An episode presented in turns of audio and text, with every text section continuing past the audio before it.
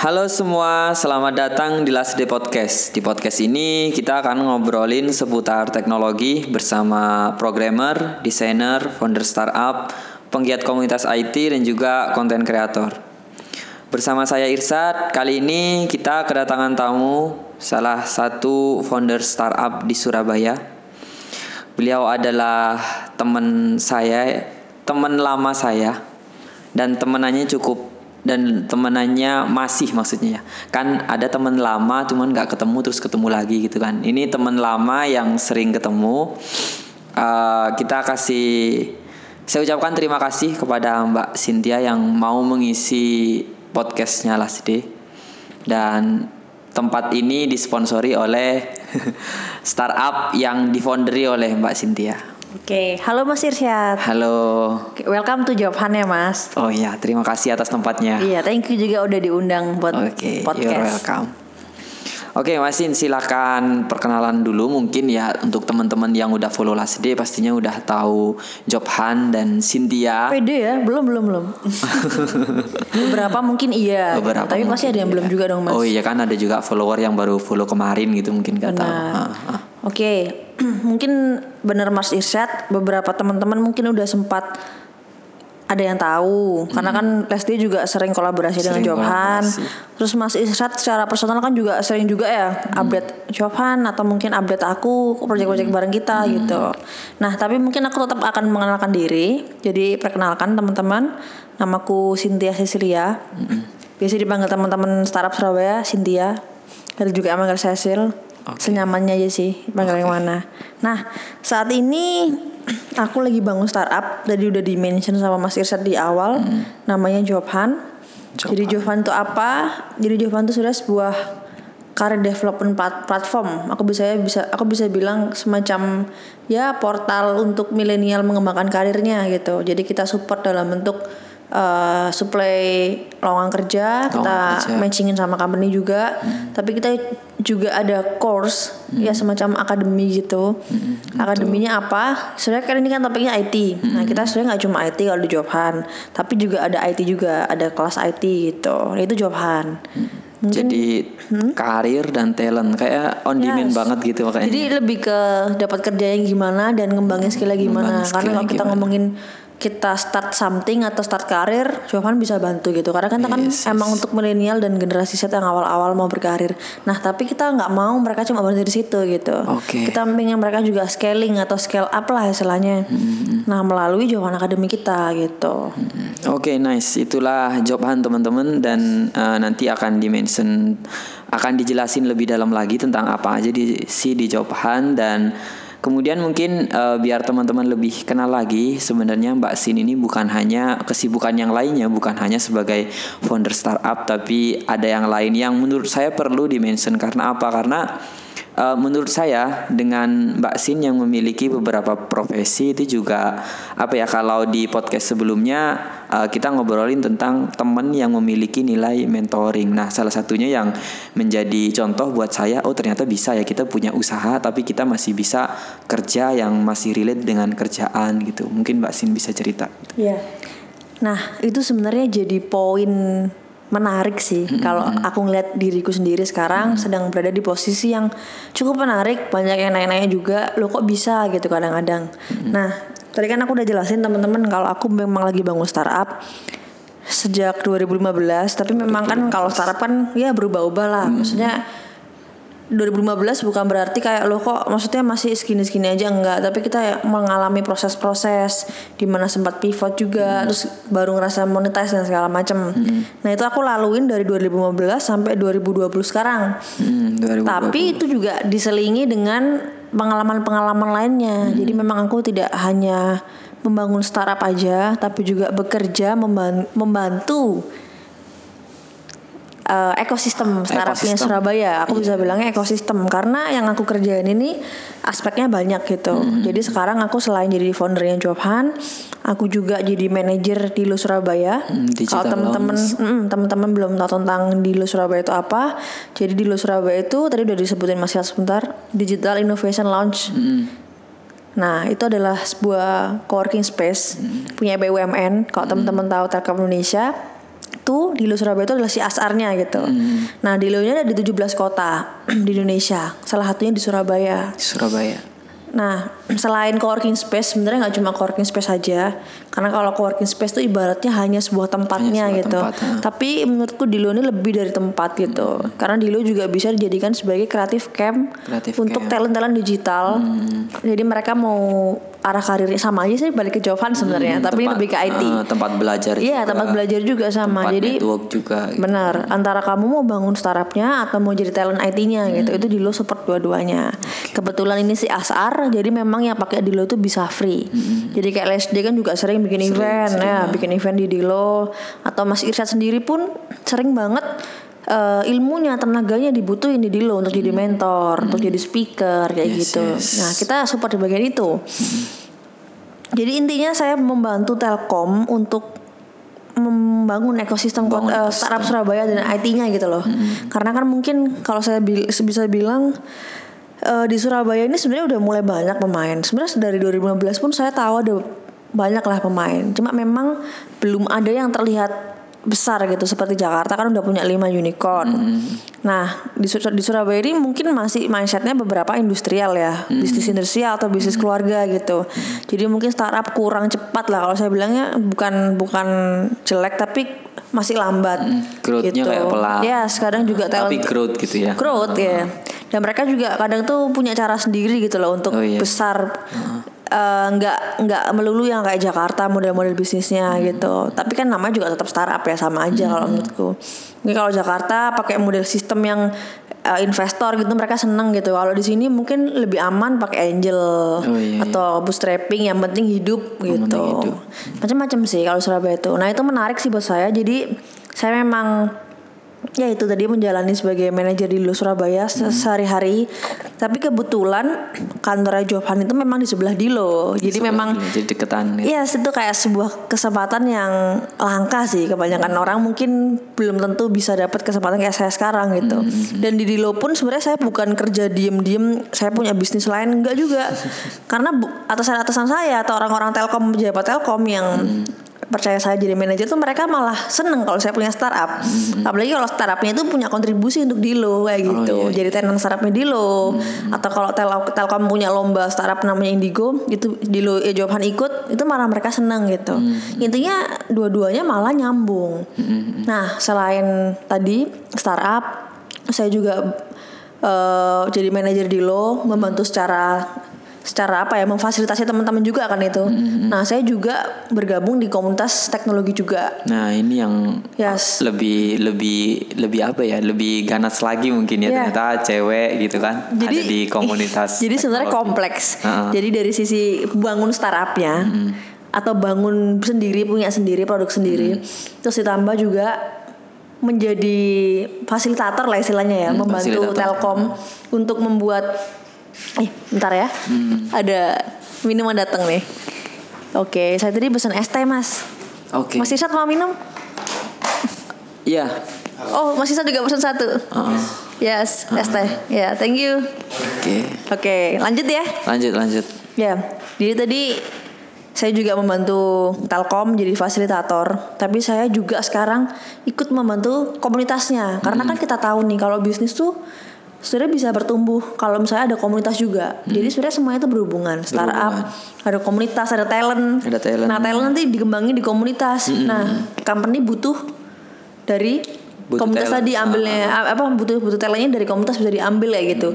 Jadi sudah semuanya itu ada sinergi gitu loh. Semua saya yang semua yang saya lakukan setiap harinya gitu. Nah, kalau komunitas yang saya lagi jalanin tuh namanya Facebook Developer Circle Surabaya. Jadi kebetulan saya juga di situ jadi leader. Jadi memang mungkin beberapa kesempatan ini menjadikan saya jadi leader gitu. Walaupun saya cewek tapi juga saya belajar jadi pemimpin kebanyakan IT atau startup itu kan cowok-cowok. Cowok cowok Nah, walaupun startup saya banyak cewek sih gitu. Karena kan saya juga pengen ah jangan cowok melulu di Dilo udah cowok semua gitu. yes. Nah, kebetulan memang di DFC namanya nama nama beken komunitas saya ini DFC Surabaya. Jadi DFC Surabaya itu sebuah komunitas developer teman-teman dari Amerika. Tapi di setiap negara atau setiap kota itu punya. Nah, salah satunya Surabaya. gitu itu di DFC kalau DFC kan memang fokusnya teknologinya Facebook Hmm. tapi sebenarnya lebih luas sih kalau mungkin komunitas beberapa komunitas di Surabaya itu yang teknologi mungkin lebih spesifik misalnya Python, JS sendiri nah kalau DFC sebenarnya lebih general itu Hmm. Lebih general. Hmm. produknya Facebook Tuh, selain itu saya juga ada jadi leader lagi. Oh my god, punya ya. Tapi sebenarnya yang ini lebih santai sih. Jadi kalau teman-teman tahu Tech in Asia Indonesia, jadi kan sebuah media tentang startup asalnya dari Singapura. Nah, saya juga jadi leader di situ. Jadi di Tech in Asia itu punya program komunitas di setiap kota namanya Tech in Asia Chapter Leader. Nah, kebetulan saya jadi lead di situ untuk membantu teman-teman Surabaya kalau mau bikin event tentang startup kayak gitu. Jadi sebenarnya semuanya berhubungan banget gitu. Kalau misalnya Tech in Asia atau mungkin DFC bikin event ya di Dilo juga. Di Dilo juga. Dilo juga yang support gitu. Nanti kalau DFC Johan mau bantu cari talentnya kliennya Johan kan Johan kan punya klien nih. Kita juga carinya ya anak-anak komunitas tadi. Kalau nggak anak-anak di Dilo. Oh iya iya Nah, benar-benar. kadang kita juga butuh mentor untuk Jawaban Akademi. Oh iya, Ya kita betul. juga carinya anak komunitas. Jadi sebenarnya pekerjaan saya semuanya relate gitu. Mungkin ada orang ngomong kayak banyak banget sih Sin yang dihandle gitu. Kamu tuh nggak fokus sama startupmu dan lain-lain.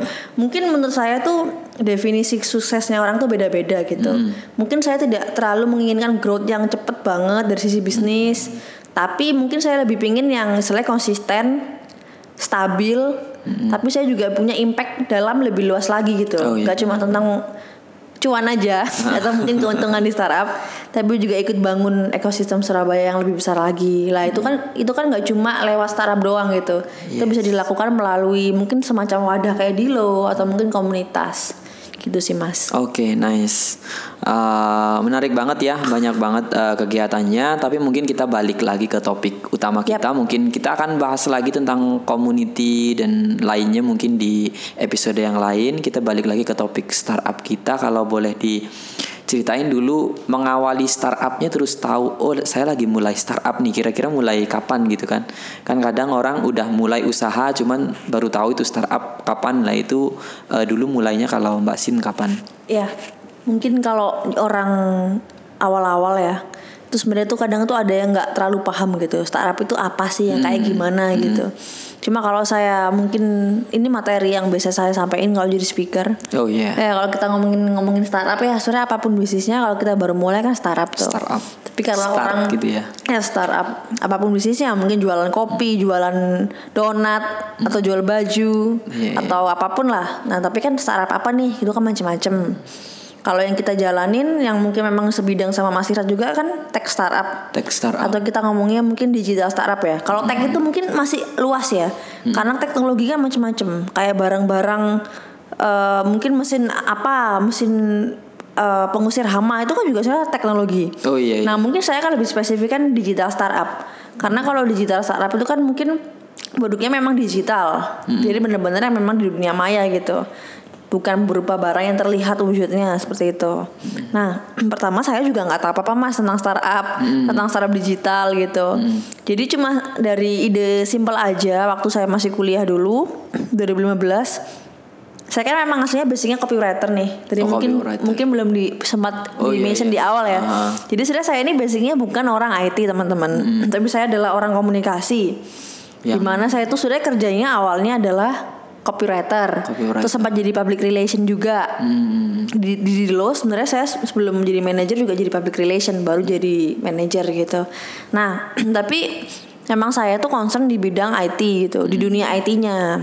Jadi makanya saya bikin startup dan segala macam.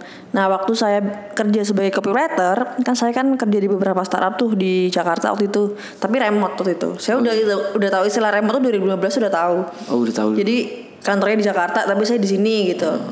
Ada Food Indonesia, ada Tani Hub yang pernah saya handle juga, ada The Bright Dep dan beberapa startup lain gitu. Nah, waktu saya nulis, saya tuh kayak ngeliat ini apa sih sekarang kok kayaknya model bisnisnya menarik ya gitu. Istilahnya kayak membuat sebuah marketplace jual sayur-sayuran. Kita jadi lebih gampang beli sayurnya. Atau mungkin saya 2015 tuh baru install Gojek. Wih ternyata pesan Gojek tuh jadi segampang ini ya. Nah saya baru ngeh itulah yang namanya ya apa digital startup Digital gitu. startup. tapi waktu itu ya udah gitu. Saya mungkin belum kepikiran untuk membuat dan segala macam. Sampai pada akhirnya saya ini nggak kepikiran startupnya. Tapi memang saya tuh pingin bikin something gitu. Hmm. nah itu didasari oleh teman-teman atau mungkin keluarga saya yang nanya, "Eh, gimana sih cara dapat kerja cepet? Kamu kan belum kuliah." Waktu itu memang aku belum kuliah. Eh, tapi belum aku, belum kuliah ya. Iya, tapi aku udah kerja. Jadi kerja dulu baru kuliah, kerja dua tahun baru kuliah gitu. Oh iya. Nah, jadi beberapa kayak om terus tante teman-teman tuh nanya kok bisa sih? Maksudnya bisa segampang itu kerjanya dan segala macam. Dan kerjanya itu selevel dengan anak-anak yang satu dengan gaji saya yang sama waktu itu. Nah terus mereka kayak sering nanya tahu lowongan ini nggak? Tahu lowongan itu nggak? Sebenarnya sesimpel itu sih. Nah saya tuh pengen bikin sebuah platform yang isinya tuh ya bantu-bantu nge-share lowongan sesimpel itu waktu itu. Nah kalau nggak nge-share atau mungkin mengedukasi teman-teman yang nggak tahu gitu caranya membranding diri yang bagus biar perusahaan melirik kita gitu. Atau mungkin mengumpulkan portofolio yang kita bikin gitu. Kayak saya waktu SMA kan saya udah banyak nulis di media. Itu saya kumpulin jadi portofolio. Jadi waktu saya SMA lulus Walaupun saya waktu itu belum kuliah ataupun S1 udah dapat gelar S1.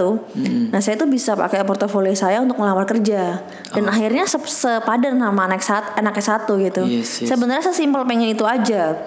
Nah, pada akhirnya saya bikin tapi cuma simpel banget masih di Facebook sama Twitter dan mungkin ya itu startup digital tapi bukan pakai platform sendiri lah istilahnya kayak gitu masih Yes. pakai sosmed dan segala macam nah terus sampai pada akhirnya ada sebuah kompetisi lah waktu itu kayak kompetisi startup gitu di Surabaya lagi. Waktu itu lagi hits banget sih 2015 2016 tuh.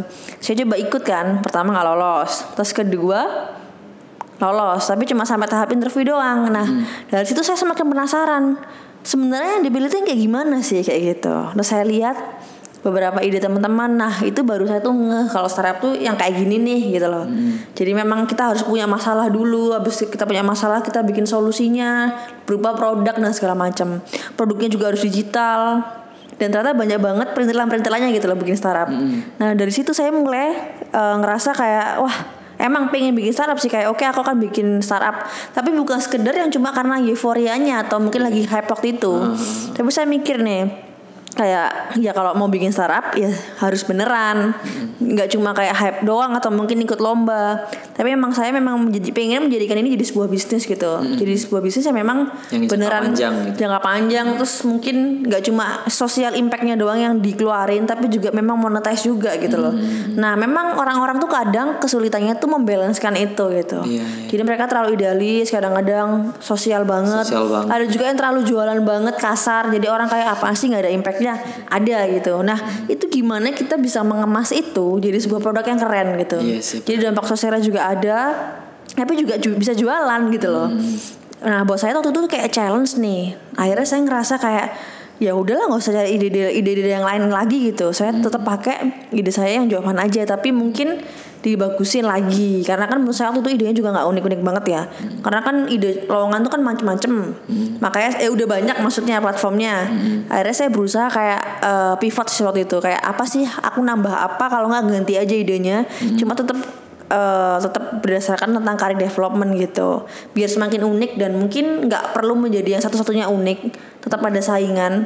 Tapi kita punya nilai plus. Itu Oke. sih Nah, buat saya waktu itu ya udahlah aku tak aku bikin startup aja gitu. Karena mungkin bukannya jadi penulis itu nggak enak Nggak atau enak, mungkin ah. apa. Menurut saya, mungkin kalau saya sekarang masih nulis doang, itu uang saya mungkin akan lebih banyak daripada bikin startup. Iya, iya, Karena bikin startup tuh ya di awal-awal apalagi kalau bootstrapping tuh pasti akan mengeluarkan uang banyak gitu. Iya iya iya. Walaupun kita dapat investor pun ya kita pasti juga akan tetap apa ya nalangin dulu dan segala macem gitu. Ibaratnya kalau mau amannya ya udahlah saya cuma nulis doang, freelance sana sini, nggak ada ikatan perusahaan, itu malah lebih menguntungkan gitu, lebih besar kalau menurut saya gitu. Cuma karena saya berpikir kalau saya bikin startup, saya tuh bisa berbuat lebih gitu Lebih, loh. ha-ha. Lebih atau mungkin kalau orang ngomongnya kayak klasik ya nih ya kayak berimpact lebih buat orang lain, tapi memang beneran gitu Hmm, tuh. beneran, itu tuh memang bener-bener kayak Iya emang kita bisa seperti itu kalau kita bikin startup itu emang nggak bullshit gitu loh kalau startup kita berhasil loh ya. Iya iya iya. Jadi kayak ada orang yang tiba-tiba datang ke saya kayak Mbak makasih ya karena Jovan aku sekarang dapat kerja loh gitu. Nah itu aku pasti langsung semangat banget gitu loh bikin startup. Dan udah beberapa mungkin testimoni yang secara personal langsung ngomong "Dar- karena Jovan aku gini aku gitu. Itu buat aku tuh kayak lebih dari dapat uang banyak sih Iya, itu lebih banget itu kayak pengalaman yang nggak bisa nggak bisa. Eh mahal lah harganya kayak Kita gitu. menjadi ceri- bagian dari cerita kesuksesan orang. Benar ya mungkin Mas Irsat yang pernah Yes, Mas Irsat cerita kayak orang yang aku mentoring di training sekarang udah lebih dari aku Iya. lebih jago dari aku dan segala macam. Mungkin ya seperti itulah perasaannya kayak gitu. Perasaan kalau kita punya membuat sesuatu yang impactful gitu ya. ya benar. Oke, eh, kemudian eh, Pak Sin ini lulus kuliahnya tahun kemarin ya, yes baru tahun kemarin. 2009. 2019 tapi sebenarnya aku juga nggak telat. Nggak telat lulus maksudnya. Nggak telat empat lulus. tahun tepat. Cuma kan emang aku mulai kuliah tuh mundur dua tahun gitu. Jadi memang waktu itu sambil kerja sambil kuliah. Tapi nggak telat. Ya memang kuliahnya mundur. Baru mulai 2015 dan lulusnya pas 2019 kayak gitu. Oke, berarti job hunt udah jalan berapa? Jovan, nah Jovan tuh jalan setelah aku inget-inget. Ternyata waktu aku bikin Jovan tuh sebelum aku kuliah, waktu aku masih Sebelum kuliah malahan ya. Iya waktu masa-masa di mana aku masih kosong waktu itu. Maksudnya maksudnya kosong tuh nggak kuliah Tapi aku udah kerja kan waktu itu. Aku kerja di sebuah digital agency di Surabaya Selatan waktu itu Nah di situlah aku sudah tahu startup juga gitu Tahu dunia dig- digital Bikin web Walaupun aku mungkin tidak bikin webnya Tapi aku lihat teman-teman bikin web Paling aku cuma bisa WordPress doang sih Iya, iya, Kayak bikin web dari WordPress tuh bisa lah Terus aku tahu lah Mereka pakai ini Teknologinya ini aku tahu Tapi karena emang aku bukan basicnya Bukan orang IT IT. tapi lebih ke komunikasi, lebih ke bisnisnya. Nah, jadi aku sebenarnya ya tahu gitu mereka mereka menggunakan tools ini itu gitu. Hmm, sesuatu untuk mendukung bisnis aja gitu. Yes. ya. Nah itu dari digital agency itu akhirnya aku tahu startup dan Yes, bikin yes, startup. See. Nah, terus kemudian ini kan cukup lama nih, terus uh, Mbak Sin juga udah lulus kuliah juga kan akhirnya. Yes. Uh, beberapa dari teman saya kan juga ada yang bikin startup kayak Mbak Sin nih. Iya. Terus paling kita kalau lihat di TV atau berita gitu kan biasanya ada teman-teman yang ketika kuliah dia bikin nih startup Hmm. nih gitu kan. Kadang ya cuman kadang dari ide sendiri iya, dari tugas kuliah iya, cuman biasanya kan akhirnya banyak yang tiba-tiba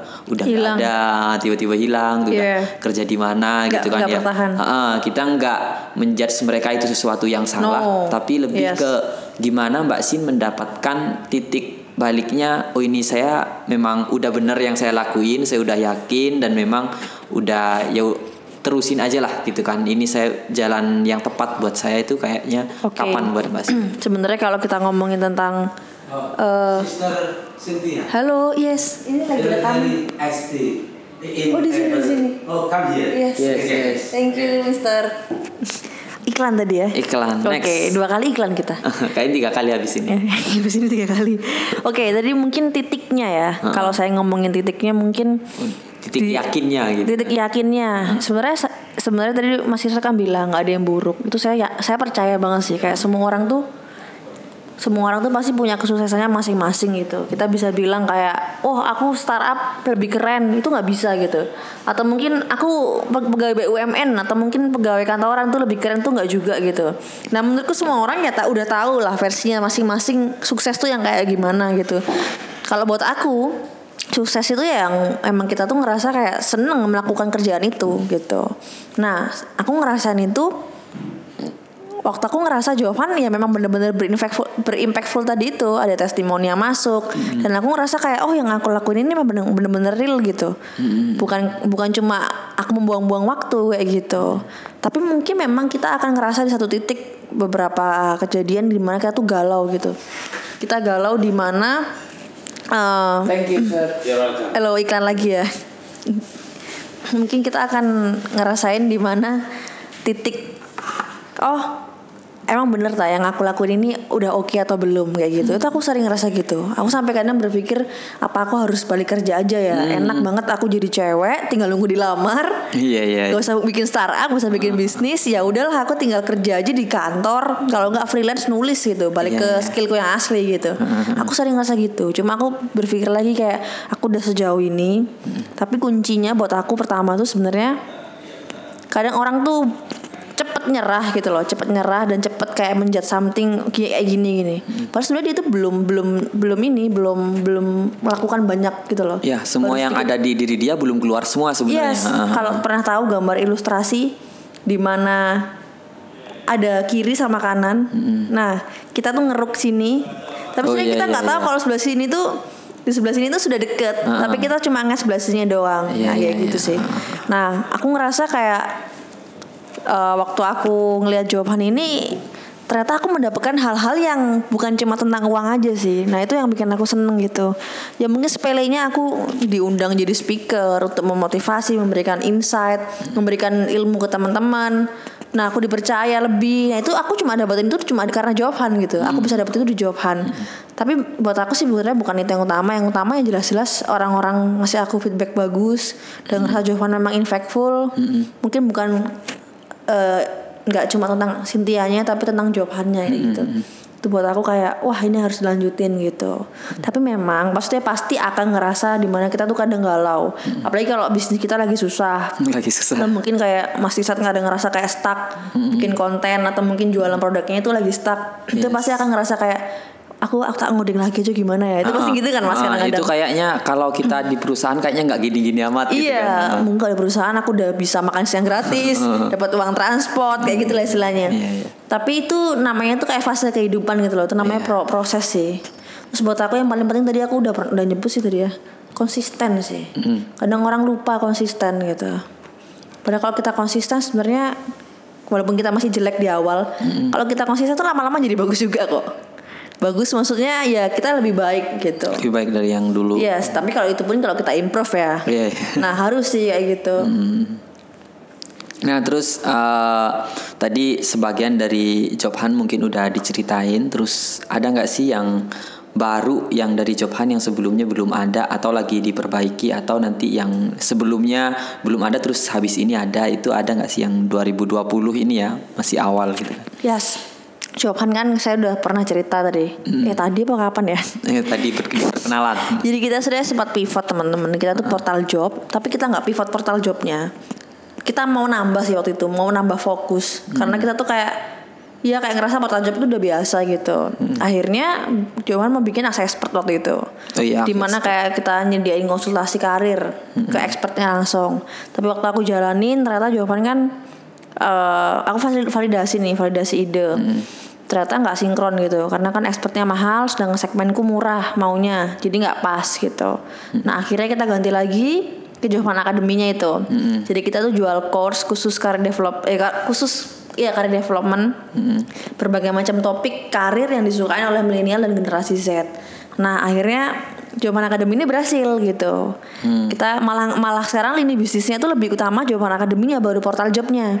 Tapi sebenarnya keduanya itu berhubungan karena kan waktu kita membuat akademi kita juga akan memproduksi talent kan. Iya, nah talentnya itu kita akan matchingin ke perusahaan gitu. Betul, betul. Karena talent pun butuh perusahaan, perusahaan pun butuh talent gitu.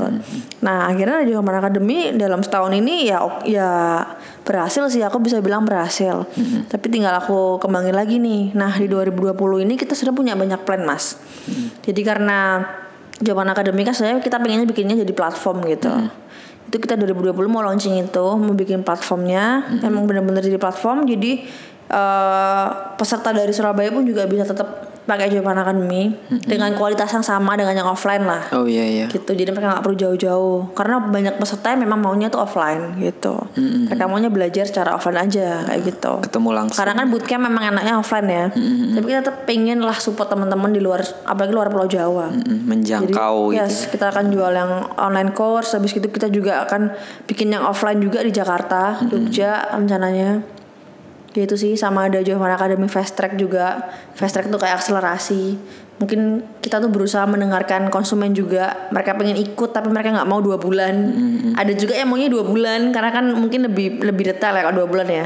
Lebih lama durasinya tuh ada yang seneng. Tapi ada yang senangnya tuh cuma dua hari tiga hari. Nah kita mau bikin itu di fast track namanya jawaban akademi fast track. Oke, untuk teman-teman yang mau lihat Job Hunt dan Job Hunt Academy, eh, alamatnya ada di Yes, bisa dibuka di www.jobhunt jawabannya nggak pakai T Iya. C O B H U N dot ID .id dan Yes. informasi tentang akademinya ada di situ juga. ada juga di situ Oke.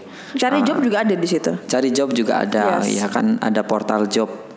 Nah, kemudian ini eh, kan tadi Mbak Sin udah cerita panjang lebar tentang job hunt dan segala yang udah dilalui dan akan dilalui. Ini kita mau nanya nih job description seorang founder startup itu kayak apa sih? Gitu. founder startup Nah, terutama si level gitu ya Ah, ah, ah.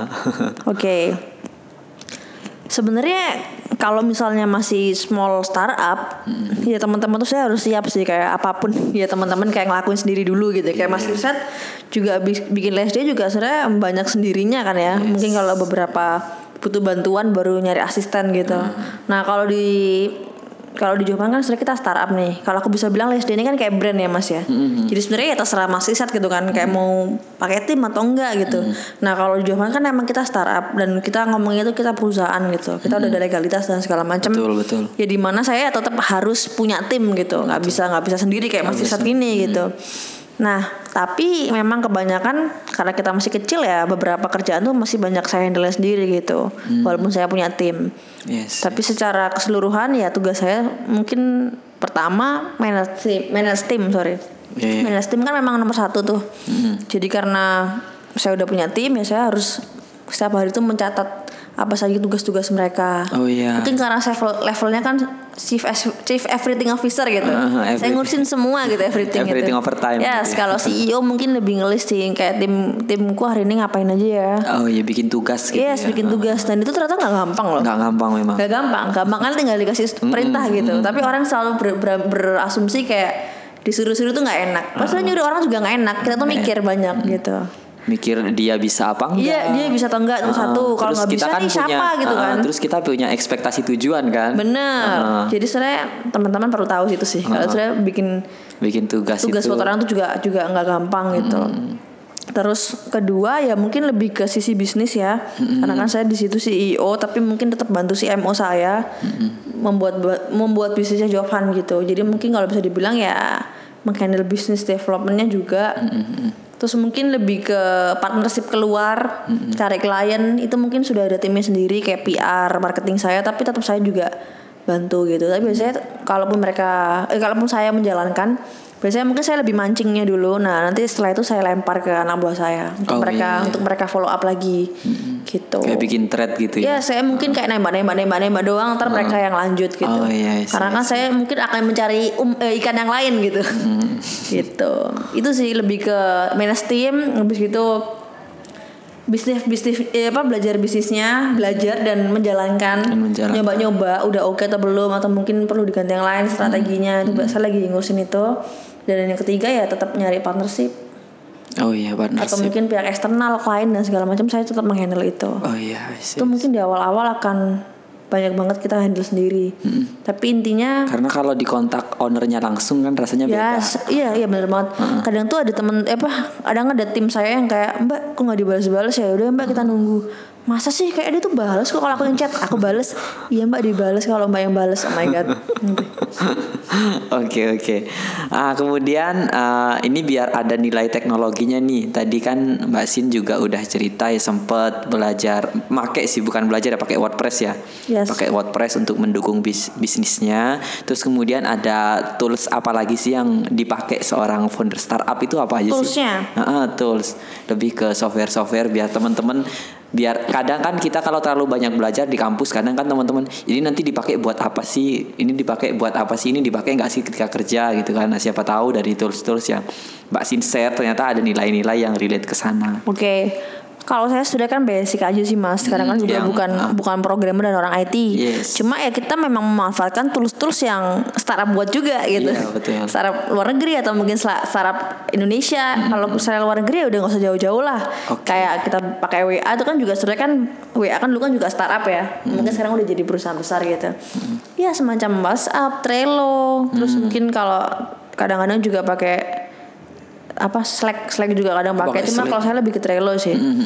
Nah tapi ini juga Google all product all product Google saya pakai kayak Oh iya, misalnya Google spreadsheet, Keep ya spreadsheet uh, Google Slide. Doc Slide. Jadi saya sebenarnya udah nggak pernah pakai dokumen Word sih. Iya iya iya iya. Attach, jadi attachment yes, gitu. dikit-dikit link sih sekarang kayak Ah, gitu. Ntar kalau mau iya, download tinggal di download gitu. Yes yes yes. Ya lebih ke seperti itu sih karena kan saya business development ya Business kebanyakan development. sebagai CEO. Jadi mungkin ya itu itu aja. Mungkin kalau dari sisi teknologinya ya karena saya juga beberapa tuh masih ada yang pakai CMS mungkin pakai WordPress. WordPress. Tapi kalau teman-teman dev yang di Jovan juga beberapa ya pakai Laravel tapi saya nggak ngerti sih. Hmm, Cuma saya tahu mereka pakai tek- apa teknologi ini ini, itu saya tahu. Hmm. Cuma saya saya nggak pakai gitu. Oke, I see.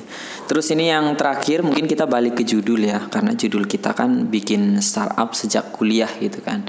Ini ada saran untuk Mbak Sin yang sudah melewati bikin startup, sudah melewati bikin kuliah. Ini kasih tips Bikin untuk kuliah.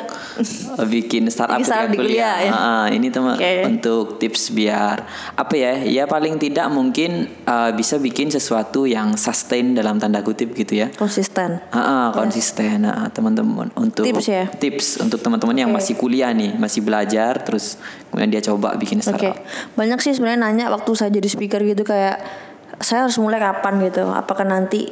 Soalnya Ketika kan ada juga yang orang tuanya mungkin menginginkan dia fokus kuliah dulu. Oh, iya, itu iya. sebenarnya nggak salah sih. Kalau saya punya orang tua gitu ya saya ngikut orang tua gitu kan. Betul, betul. Makanya jalan hidup orang-orang tuh macem-macem gitu. Hmm. Kayak saya juga eh, ngerasa kayak bersyukur juga orang tua nggak maksa tapi ya udah saya jadi lebih dulu gitu. Hmm. Tapi bukan berarti saya lebih sukses nggak juga gitu. Ada yang mungkin emang langsung lulus bisa bikin startupnya dengan cepat, suksesnya juga ada gitu. Nah, mungkin tipsnya ya kalau menurut saya nggak ada salahnya untuk mencoba sebelum lulus sih gitu. Karena kan walaupun di kuliah tuh kita mungkin ya masa kuliah doang gitu kan. Kita harus bikin something gitu. Mungkin kalau saran dari saya semester awal-awal 1 sampai 3 atau 4 nggak apa-apa berorganisasi gitu di kampus. Kan biar lengkap ya pengalamannya. Jadi someday kalaupun nggak bikin startup jadi pegawai kantoran juga udah punya pengalaman lengkap gitu. Semester 1 sampai 3 boleh lah ikut komunitas komunitas di dalam kampus atau di luar kampus. Sama ikut lomba-lomba. Oke. Nah ikut lomba-lomba itu bisa banget ngikutin lomba tentang startup. Jadi kamu bisa berprestasi juga, tapi kamu juga bisa bisa bikin startup kayak gitu. Biasanya dari teman-teman yang kayak gitu tuh ikut lomba, ya kayak saya dulu lah, saya kan ikut lomba tuh, tapi nggak menang waktu itu. Pernah sih tiga besar tapi ya nggak nggak yang menang. Nah tapi jangan jadi startup lomba juga sih sebenarnya. Dari situ trophy hunter gitu ya ada soalnya.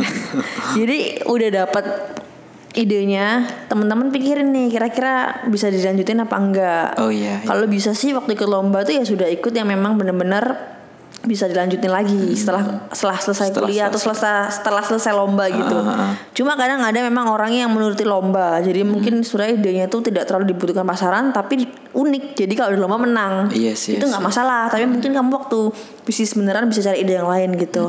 Nah, jadi bener-bener coba aja sebenarnya waktu kuliah tuh. Karena waktu waktu setelah kuliah kalau bisa tuh bukan kita masih bingung mau ke mana mau kerja atau startup itu sudah selesai gitu loh udah selesai masa-masa itu kita harus percepat lah kalau buat aku kayak gitu tadi keputusannya cepat ini Yes. mau berkarir atau masih bikin startup gitu. Benar. Ah, Misalnya kayak aku waktu startup eh, setelah aku lulus kemarin bulan Oktober atau September kemarin 2019 ya aku udah jadi. Bukan ja- Jovan tuh bukan aku bisa bilang sukses enggak. Ya aku tinggal scale up aja Jovan Ah, itu. iya, iya. Scale up untuk memonetize yang lebih lagi, mau nambah tim dan segala macam.